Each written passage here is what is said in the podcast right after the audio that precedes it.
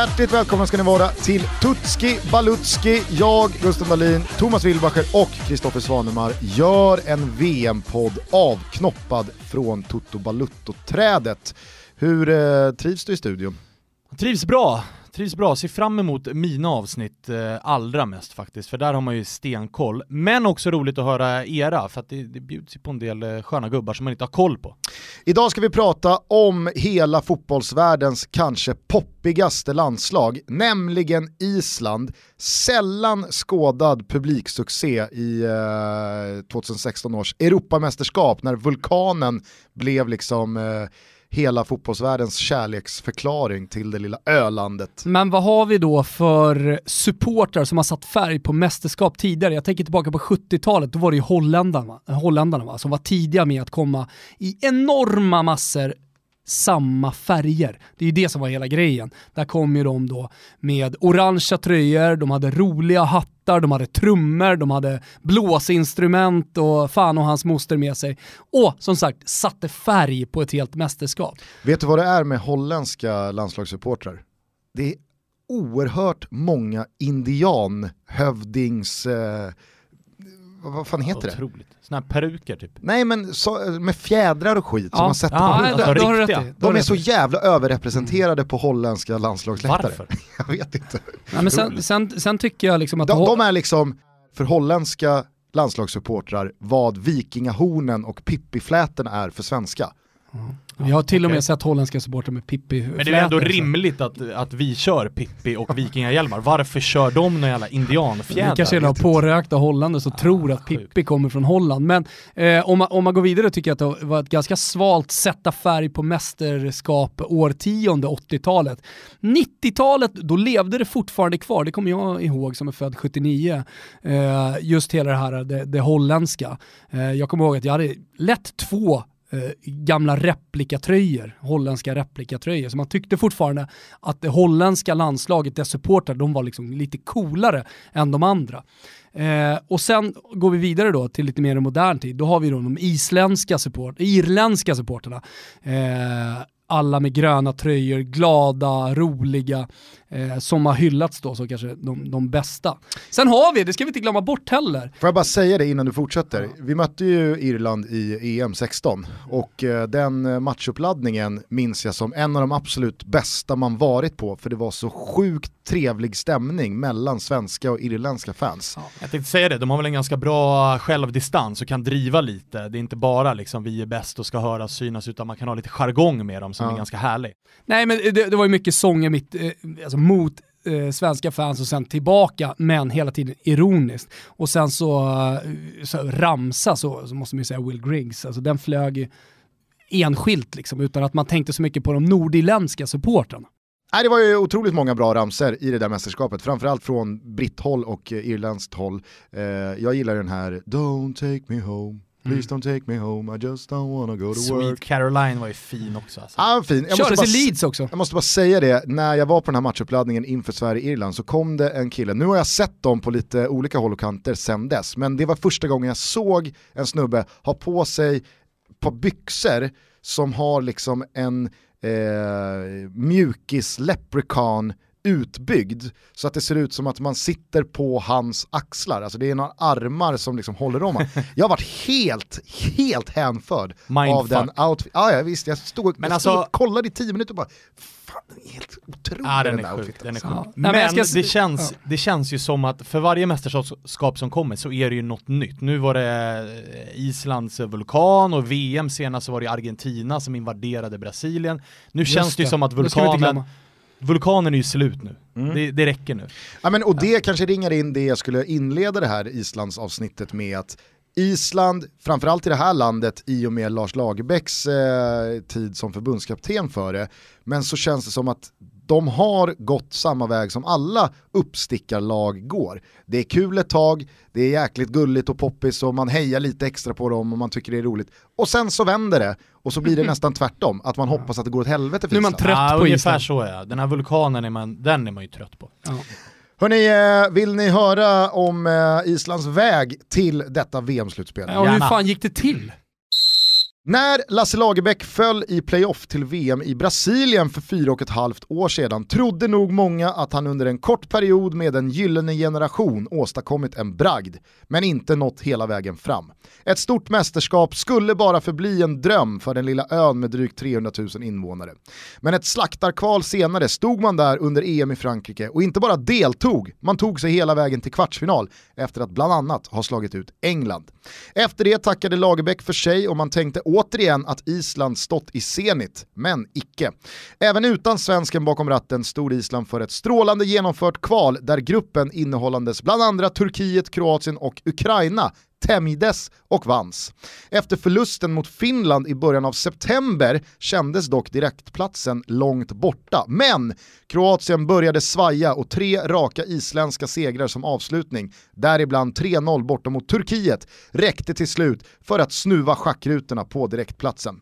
För första gången någonsin i VM-sammanhang säger vi välkomnur men jag tycker att vi avslutningsvis minns de totalt utflippade sekunderna i Reykjavik från det första mötet med Finland när Island på hemmaplan på något märkligt sätt lyckades vända underläge 2-1 till seger 3-2 i matchens absoluta slutskede. Ai, ai, ai, Hirveältä näyttää ja voi luoja, voi luoja paratko.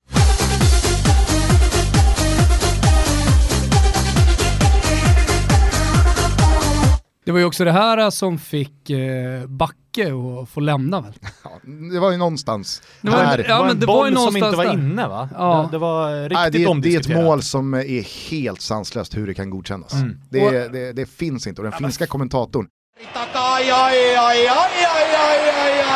man har aldrig känt mer för en kommentator som tappar det. Det är inte överspel. Det enda jag känner är justice för Backe alltså. Han har gjort ett bra jobb med det där finländska landslaget, men, men eh, där vände ju, liksom, då blev det ju Islands kval efter att man lyckades vända det. Annars hade man kanske hamnat lite för långt efter och så hade man inte riktigt fått den här eh, känslan av att vara nära och, och inte lyckats. Man, man undrar hur Lasse Lagerbäck känner också med tanke på hur, vilken status han fick där. Han tog dem till EM till kvartsfinal och liksom satte dem på kartan och tänker att nu kan det inte bli bättre, nu drar jag. Och så kvalar man in till sitt första VM någonsin efter det. Ja, återigen, alltså man löste ju EM-kvalet till 16 i en helt otroligt bra grupp, då mm. bland annat med Holland och Tjeckien Turkiet och Turkiet där också. Så turkarna måste ju hata Island. Men nu är det alltså Turkiet igen, det är Kroatien, det är Ukraina, det är Finland, den enda egentligen så här lätta matchen var väl Kosovo eh, som skrapade ihop eh, ett landslag som eh, var ganska ganska, säger jag med modifikation.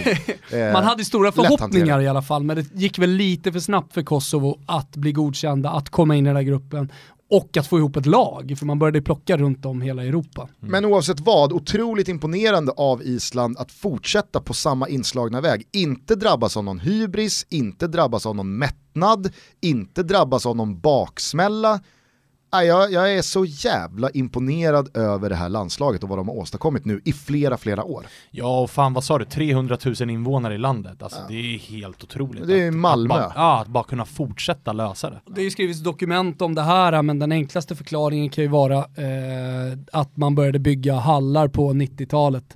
Eh, så istället för att kröka så började man spela fotboll på Island och så fick man fram alla de här talangerna. Mm. Förbundskaptenen då? Ja, det är nog många som tror att man vet vad han heter. Det är någonting på Hej Hill Hej hej någonting. Eh, Lars Lagerbäck lämnade ju som sagt efter EM 2016 och eh, den kvalperioden och mästerskapet delade han faktiskt tillsammans då med eh, Heimir Hallgrimsson som var hans assisterande innan. Det var lite som med Roland Andersson för Lars Lagerbäck i Sverige. Först var han uttalad ass, sen så ville Lagerbäck få det till att nej men det är delat ledarskap, det är som med Tommy. Det här är Lars Roland, men ingen riktigt köpte nej, Roland nej. Andersson som delad förbundskapten, utan det var ju Lars Lagerbäck som var förbundskapten och så var Roland Andersson och Heimir Hallgrimsson assisterande, vad en Lagerbäck sa. Ja. Eh, hur som helst, han eh, flyttades upp och eh, kör den här skutan själv sen eh, sommaren 2016 och tandläkaren Hallgrimsson han, stod, han tog steget från en rad olika tränarposter i IBV till rollen som assisterande förbundskapten bakom Lagerbäck 2012. Kul bonusinfo kring Heimir är att den här 51-åriga tandläkaren inför en träningslandskamp 2012 på eget bevåg dök upp på en supporterbar inför matchen, drog startelvan, motiverade valen och snackade lite med folket. Det har han fortsatt med sedan dess och nu är det knökat varje hemmalandskamp. Från att det satt två 12-13 vikingar där och skäggigt drack bärs och eh, blev förvånade när Hallgrimsson dök upp så är det nu lapp på lucka och 400 pers som eh, sitter på den här baren varje... Bra för den baren. drömscenario för, för den här baren. Han kanske är delägare och vill kolla upp det. Kanske, det är värt att uh, sätta grävtänderna i. Nej men uh, han var ju uh, ganska så, han har haft både herr och damlag som huvudtränare och assisterande tränare i IBV. Men egentligen så är det det han har gjort innan han hamnade i förbundet, innan han blev ass och nu så känns det som att Alltså, man, ja, kan, man, man, kan inte ha, man kan inte ha ett bättre jobb Nej, och det som känns. Som, det känns också som att det, Island skulle bara kunna bestämma sig som de öborna de är för att honom ger vi lifetime-kontrakt. Mm.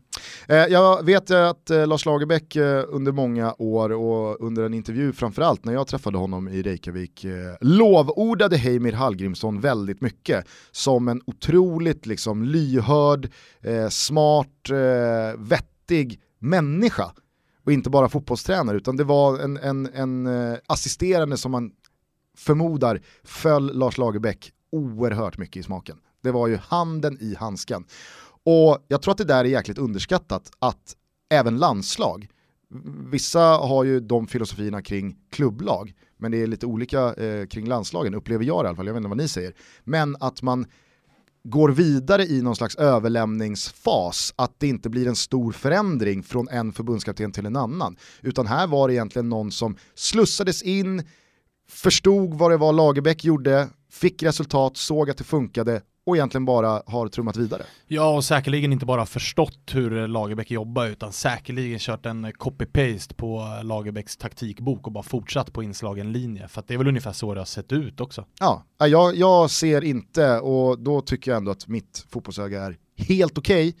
Jag ser inte speciellt stora skillnader på det här Island kontra Island som Lars Lagerbäck rattade. Nej, och varför ändra? Alltså det, det, funkar ju uppenbarligen riktigt bra så det är bara, det är bara att köra på. Det man undrar när du pratar om att funka, eh, det är ju vem som ska få det här isländska landslaget att funka i VM. För de som inte har koll på Island, Gusten, vem är most valuable player?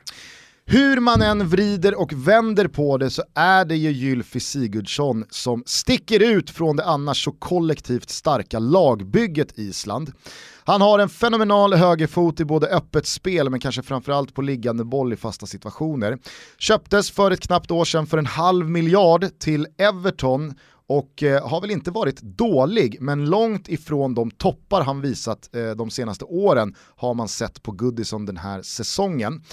Det kanske mest tydliga beviset dock på hur viktig Sigurdsson är för sina lag är att Swansea, som han alltså lämnade för Everton, åkte ur för första gången sedan man kom upp i Premier League efter Gylfens avsked. Skön spelare, jag gillar honom. Eh, framförallt så är han ju, och så fort Island får en frispark på offensiv planhalva, alltså han har ju ett tillslag som är löjligt ju. Jag kommer ihåg, det var ju någon dokumentär, jag kommer inte ihåg vilka som gjorde den, om Lasse och Island där han pratade mycket om hur hårt han tränar på straffar, att han kan stå kvar i, i timmar och nöta straffar och nöta frisparkar och gör det väl med båda fötterna till och med. Så att det, där är de ju vassa och där tar han ju hand om allt, hörner, frisparkar, allt. Och hur mycket fotbollen än utvecklas och Pep Guardiola driver spelfilosofier och Sarri förändrar eh, lags eh, spelsätt i, i grunden så kommer ju fasta situationer alltid vara en nyckeldel av matcherna. Inte minst för lag med lite knappare resurser, lite mindre förutsättningar att spela en viss typ av fotboll. Det kommer slås hörner och då kan man göra det på väldigt många olika sätt. Framförallt kan man göra det väldigt skulle, olika bra och dåliga. Jag skulle vilja få det till att fotbollen är underutvecklad vad det gäller fasta situationer till skillnad från många andra sporter, basket inte minst. Jag menar bara att de fasta situationerna kommer alltid ha en oerhört viktig roll och kanske framförallt för lite mindre länder där kan man tävla på samma nivå som Tyskland, Brasilien, Argentina, alltså de stora drakarna. För att en hörna är en hörna och en frispark i ytterzon är en frispark i ytterzon. Och en frispark från eh, 19 meter ut är en frispark från 19 meter ut. Eh, så, och, och, där är ju verkligen Gylfe Sigurdsson på den yttersta nivån. Ja, och har du de fötterna i ett lag så kommer du alltid ha chansen att göra både ett, två och kanske till och med tre mål mot de allra bästa med den känslan. För det är skitsamma hur många fysiskt starka spelare du har som kan nicka bollen kommer den inte tillräckligt bra, då, då, då blir det ofta skit. Men med de eh, fötterna så... Ja, det är det som har blivit så perfekt i det isländska landslaget, de har hand med fötterna. Och mm. sen så har de alla stora fysiska, starka, nickskickliga spelare i straffområdet. Det, det blir mål alltså. Och så slutet på matchen har man också sett när de sätter tryck, de flyttar upp några av sina tyngsta spelare. Så får han bollen, då kan du räkna med att den sitter på en panna. Sen så vad som händer efter, var droppar den ner? Men det blir målchanser. Men jag vill ändå trycka på det jag sa här eh, i min motivering kring Sigurdsson, att Island är ju definitivt det svåraste laget hittills för mig att lyfta ut en solklar MVP eftersom de är ett sånt kollektiv. Alltså det är verkligen ett lag, en maskin som gör jobbet tillsammans betydligt mer och synligare och tydligare än andra länder. Jo, men samtidigt så finns det ju några av de här länderna vi kommer gå igenom som inte ens har någon spelare överhuvudtaget som sticker ut. Då, då, då blir det tufft vet du. Vill ni veta vem som är stjärnskottet i Island? Det är klart vi vill. Det är ju fortfarande ett superstabilt isländskt landslag som vi ser 2018, men det är skrämmande hur lite den stomme som gällde för 3-4-5 år sedan har förändrats slash föryngrats. Men Jörtur Hermansson står redo att axla manteln som Kari Arnason snart lär droppa från sina 37-åriga axlar. 23-årige Hermansson kom på lån till Blåvitt från holländska PSV inför säsongen 2016 som en relativt oprövad mittback. Lite skador kom i vägen för en optimal session men under de 5-6 matcher han ändå hann spela i IFK Göteborg visades flertalet glimtar av en framtida försvarsklippa. Flyttlasset gick från Eindhoven till Köpenhamn och på nyttfödda Brönby några veckor efter eh, vistelsen i eh, lilla London. Eh, och den danska storklubben såg islänningen som en ersättare till Daniel Agger. Sedan dess har såväl Hermansson som Brönnby firat stora triumfer och jag tror att Hjörtur blir att räkna med på den stora scenen bra många år framöver. Jag vill slå ett litet slag också för Hördur Björgvin Magnusson Eh, spelar numera i Bristol City, han är vänsterback men har tillhört Juventus i många, många år, har varit utlånad till Cesena eh, i eh, två omgångar men lämnade Turin för två år sedan och eh, tog sin business till Bristol City. Då. Han har slagit sig in i laget och eh, spelar på vänsterbacken, därför nämner jag honom för att eh, Hermansson kommer såklart inte peta Karianason eller Ragnar Sigurdsson eh, det här mästerskapet. Men han är en jäkla bra mittback. Jag vet inte vad du minns av honom från hans tid i Allsvenskan? Alldeles för lite egentligen. Eh, men det har ju varit många fina islänningar och det är det som gör att man ofta får en relation till dem. Traustason till exempel har ju varit här och nu är han tillbaka. Eh, Ragnar Sigurdsson. Ragnar Sigurdsson, Karianason. absolut. Karianason. Så att det finns ju... i Norrköping. Just det. Eh, så att det finns ju, det är ju kul att den typen av spelare kommer till Sverige och sen flyger vidare.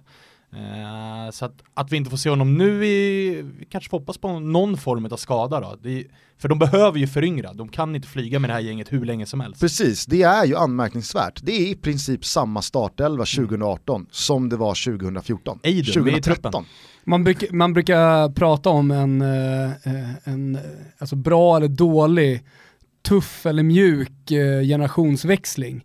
Känns som Island går en ganska tuff generationsväxling till mötes efter det här mästerskapet. Ja, ja verkligen. För den måste ju ske, den, den måste ju ske pö om pö den här generationsväxlingen om den verkligen ska falla väl ut. Ja, och när jag har gått igenom det här laget och gjort jobbet inför det här avsnittet så märker man att det är inte jättemånga 20, 21, 22, 23-åringar som knackar på. Utan ja, men det, sagt, det, kommer, och det, kommer bli, det kommer bli ett problem. Jag menar, stora landslag har haft problem med generationsväxlingar tidigare. Kolla bara på Holland.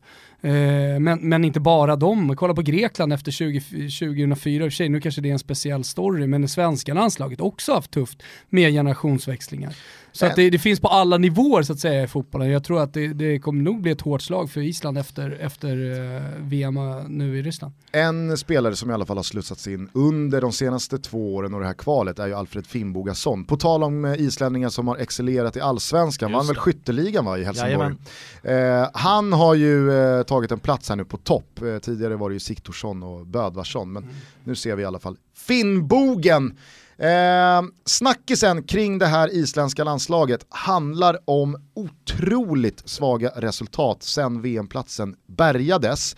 Eh, för sen dess så har alltså A-landslaget minus två storsegrar mot eh, Indonesien, känns ju inte som ett klassmotstånd, eh, under någon slags januari-turné. Följande resultat. Förlust 2-1 mot Tjeckien, 1-1 mot Qatar, torsk med 3-0 mot Mexiko och torsk med 3-1 mot Peru. Ni hör ju själva, har Monne Lättjan smugit sig in på den här ön. Jag tror att eh, det här sätter lite griller i huvudet för ett landslag som hela tiden har gjort Du menar resultat. att de har flugit kvar, klart? Det kommer jag landa i lite senare, men jag tycker att det är anmärkningsvärt för att under Lagerbäck, under åren här eh, sedan 2012, så har ju Island de har ju tagit varje landskamp på största allvar och egentligen inte klappat Börjar igenom bli lite någonstans. diviga de eh, isländska spelarna. Ah, glider Hybris. in med, med lite hybris i omklädningsrummet. Eh, Förbundskaptenen skiter och går till baren. Jag pallar inte snacka med de där jävla fylltrattarna längre. Nej jag vet inte, det är, Ah. det är, det är alltså. anmärkningsvärda resultat i alla fall. Eh, och sen såklart Kroatien, det här är ju Islands på senare år edsvurne antagonist. Ni bollade upp Turkiet, men de har faktiskt ännu mer historia mot Kroatien här. Eh, det var de man åkte ut mot i playoffet till VM 2014. Eh, och eh, nu så snodde man alltså direktplatsen till årets VM-slutspel i kvalet och så hamnar man ju såklart i samma grupp väl där. Borde inte få hamna i samma grupp. Nej, jag tror att eh, det kommer finnas en laddning i den tredje avslutande gruppspelsmatchen. Eh, Framförallt så eh, känns alltså ju Kroatien ruggigt revanschsugna här nu Mm. efter, efter att de snodde, nu är de ju visserligen i, med, i VM men ändå. De slarvar, det ska ju sägas, det får vi prata om när det är Kroatien, men de slarvar ju bort det själva. Ja, verkligen, verkligen. Men Gav bort eh, direktplatsen till Island. det är roligt när det kommer en sån oväntad eh, rivalitet landslagen emellan. Island-Kroatien, såg man inte komma för tio år sedan. Nej. Island, Kroatien, Island, Turkiet. Är det, som vi, är det som Sverige har med, är det Ungern som vi möter hela jävla tiden? Alltså. Ja. Jag måste- Ungern, Österrike. Jag måste ha sett Sverige möta Ungern 30 gånger. För Ja. många gånger. 30 gånger, Och snart lätt. kommer den jävla keeperns son upp med samma gråa mjukisbyxor. fan. Usch, usch. Eh, jag vet inte vad ni säger, men förväntningarna på det här isländska landslaget är ju såklart, det blir väl det, uppskruvade. eh, man tar sig alltså till kvartsfinal i EM eh, för två år sedan, man slår ut England i åttondelsfinalen.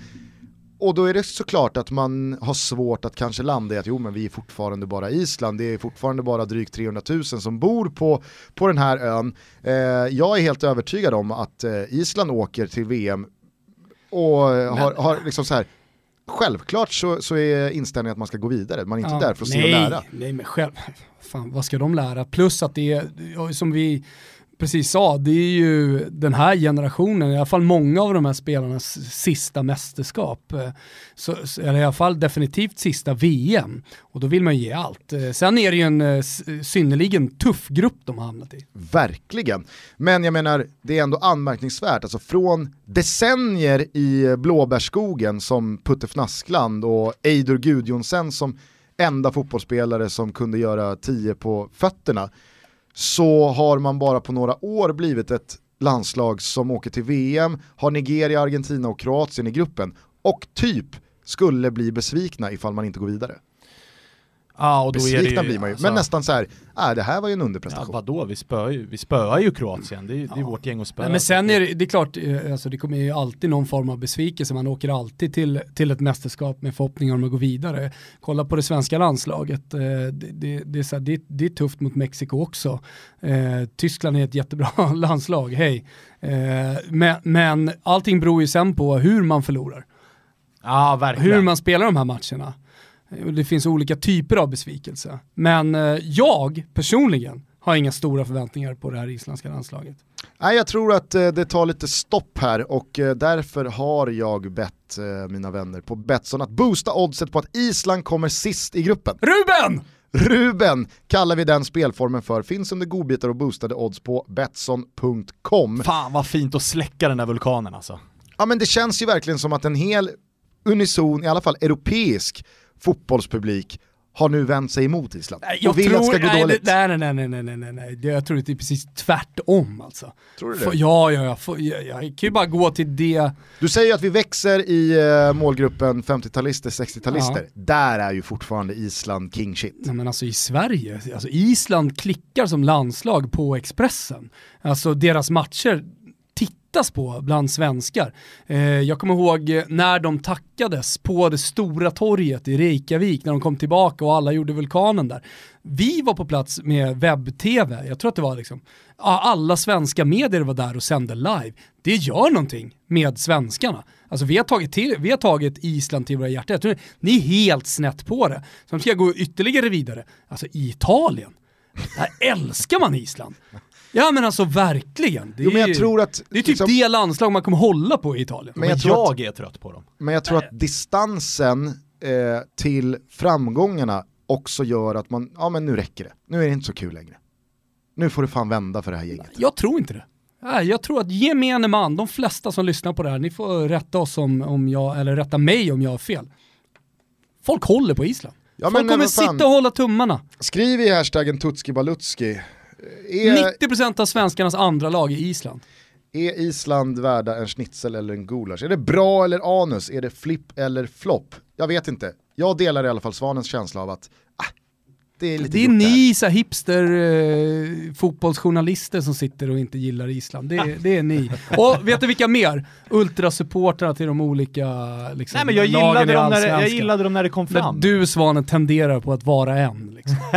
Men jag gillade dem ju i EM, när de körde vulkaner och fick med sig alla. Men nu känns det som att de har Vet du blivit vilka som en... kör Men det känns som vulkanen? det har blivit en attraktion, snarare än liksom, eh, det känns som att de har gjort det till en grej, att så här, kolla här, här kommer vi och gör vulkanen. Nu gör vi det för att visa upp oss, snarare än för att stötta vårt land här. Det har blivit deras pryl och det Vet, vet du vilket är klubblag i Europa som har tagit till sig vulkanen? Alla. Alltså, är det många? Ja det är många. Det är ju Jaha. väldigt många. Ja, ja. Tänker Men- du på något speciellt eller? Nej, alltså, jag såg bara Bologna köra den. Ja, Det säger väl allt? Ja, det. Det säger väl allt, alltså när till och med Bologna kör vulkanen. nej, jag, jag visste faktiskt inte att Ja, det den körs eh, på var och varannan arena. Dålig koll man har.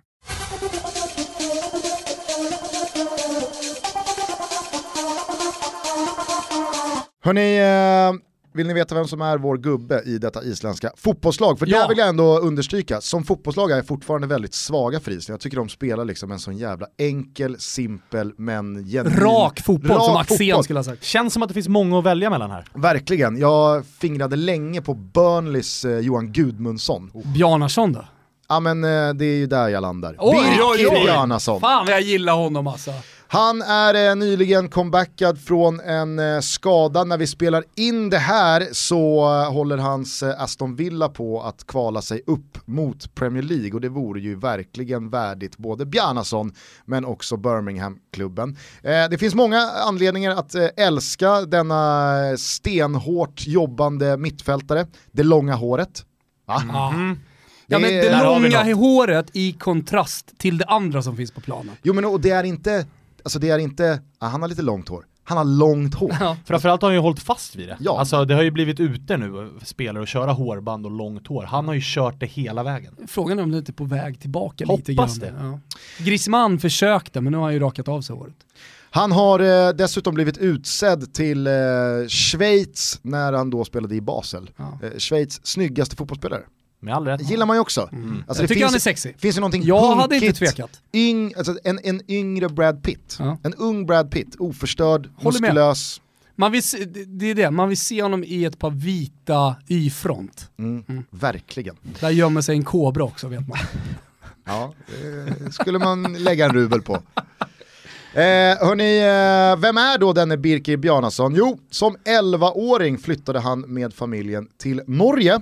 Eh, visste faktiskt inte jag. Eh, så att, eh, han är uppvuxen inom den norska fotbollen och eh, Fan, nu gillar inte honom längre. gick på lån från Viking till Bode Glimt där han fick sitt stora genombrott när Bode Glimt eh, stod för en chockerande bra nykomlingssäsong och slutade fyra i tippeligan.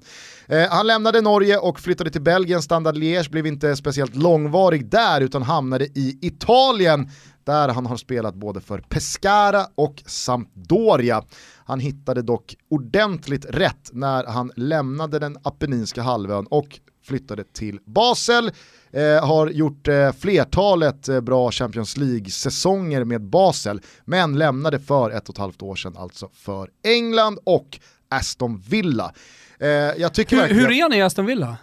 Han har ju varit en del skadad under den här säsongen eh, och jag ska ärligt säga att jag kanske har sett Aston Villa, Jo men Fyra vad har du läst dig till? nej men eh, alltså key, när han väl ja. spelar. Alltså, de har gjort en bra säsong också Villa, framförallt här nu på, på slutet när man, när man eh, tog den där playoff-platsen och behöll den och, och eventuellt då slutar i Premier League till augusti, vad vet jag. Men eh, det känns som att eh, Bjarnason och hans karriär och hans supersexiga aura är värd att spela i Premier League. Ja men det tycker jag verkligen. Sen så finns det ju någonting med om ni inte har sett honom spela fotboll tidigare, kolla nu och lägg märke till honom. Vår gubbe här under, under VM, för han har så jävla rivigt löpsteg. Han, han är aldrig bortspelad på något sätt. Och som jag tycker är lite viktig också, du nämner honom som mittfältare här, men det är mittfältare som ofta tar sig in i boxen, som gör mycket poäng. Och det, det är härligt. Ja, jag är svag för eh, Bjarnason, något Samma. otroligt. Men det finns ju fler isländska spelare som man gillar. Jag vet inte, har du någon annan eh, personlig favorit? Jag gillar guden. Eidur? Nej, Torinason. Jaha. okej. Guden, kom igen för fan, häng med i, i slätta lingus. Alltså man får ju som, eftersom jag håller på AIK så är ju Traustason en gubbe som man kanske inte bör gilla, men jag är svag för den spelartypen. Alltså modern, offensiv, kan spela på båda kanterna, nu har han gjort en dålig säsong och är lite halvskadad och sådär, men det är ju en gubbe som jag gillade när han kom fram eh, i, i Norrköping och presenterade sig för oss på allvar. Eh, han gillar jag verkligen, och Ragnar Sigurdsson. Jävla eh, Om, jag bara, krigare där bak alltså. ja riktigt bra. Om eh, nu Island skulle gå vidare, Sverige skulle åka ur, då kan jag tänka mig att en del svenskar kommer säga, jaha, men för Island passade det med allsvenskan, men inte för Sverige. Verkligen. Jag ska bara säga det kring vulkanen. Innan liksom det vände eh, gentemot Island och vulkanen och deras liksom, grej de har på gång så gillade jag verkligen Aron Gunnarsson. Men han har liksom fått bli vulkanen personifierad i och med att han som lagkapten leder den varje gång. Så det är en, den, där, den där ramsan har gjort att, äh, Gunnarsson, jag gillar inte honom längre. Tyvärr. Alltså. Eh, hörni, eh, det blir roligt att följa Island och varför inte göra det när Island spelar mot Argentina den 16 juni. Man kan se den här matchen på Hotell Kung Karl tillsammans med oss. Mm. Vi gör ju det här eventet för att vi tycker att det är roligt och för att eh, vi vill umgås med er under VM. Eh, vi har pratat om att skapa VMs bästa häng. Så Toto-VM på Kung Karls, i Kung Karls festvåning med utsikt, du vet, vi öppnar upp fönstren där med lilla balkongen och alltihopa över hela Stureplan. Det, det kan bli en sån där riktigt magisk sommar tillsammans med oss. Eh, gå in på totobalutto.se, klicka vidare och boka era biljetter innan de tar slut hörni. Känner ni er nöjda med Islandsavsnittet? Ja, det gör vi. Jag satt och funderade på om vi skulle avsluta, jag vet att det är superlökigt, men med ett försök till en tremannavulkan. Ska vi göra ett försök? Får vi se om Kim behåller det Är du, är du Gunnarsson då eller? Svanemar känns ju som mest du, isländska. Du är, Ja, men jag tror att du sitter jag nog är mer bäst. capo än Ja, Svanemar. exakt. Ja, ja. Är ni Lö, löser trycket. Ja.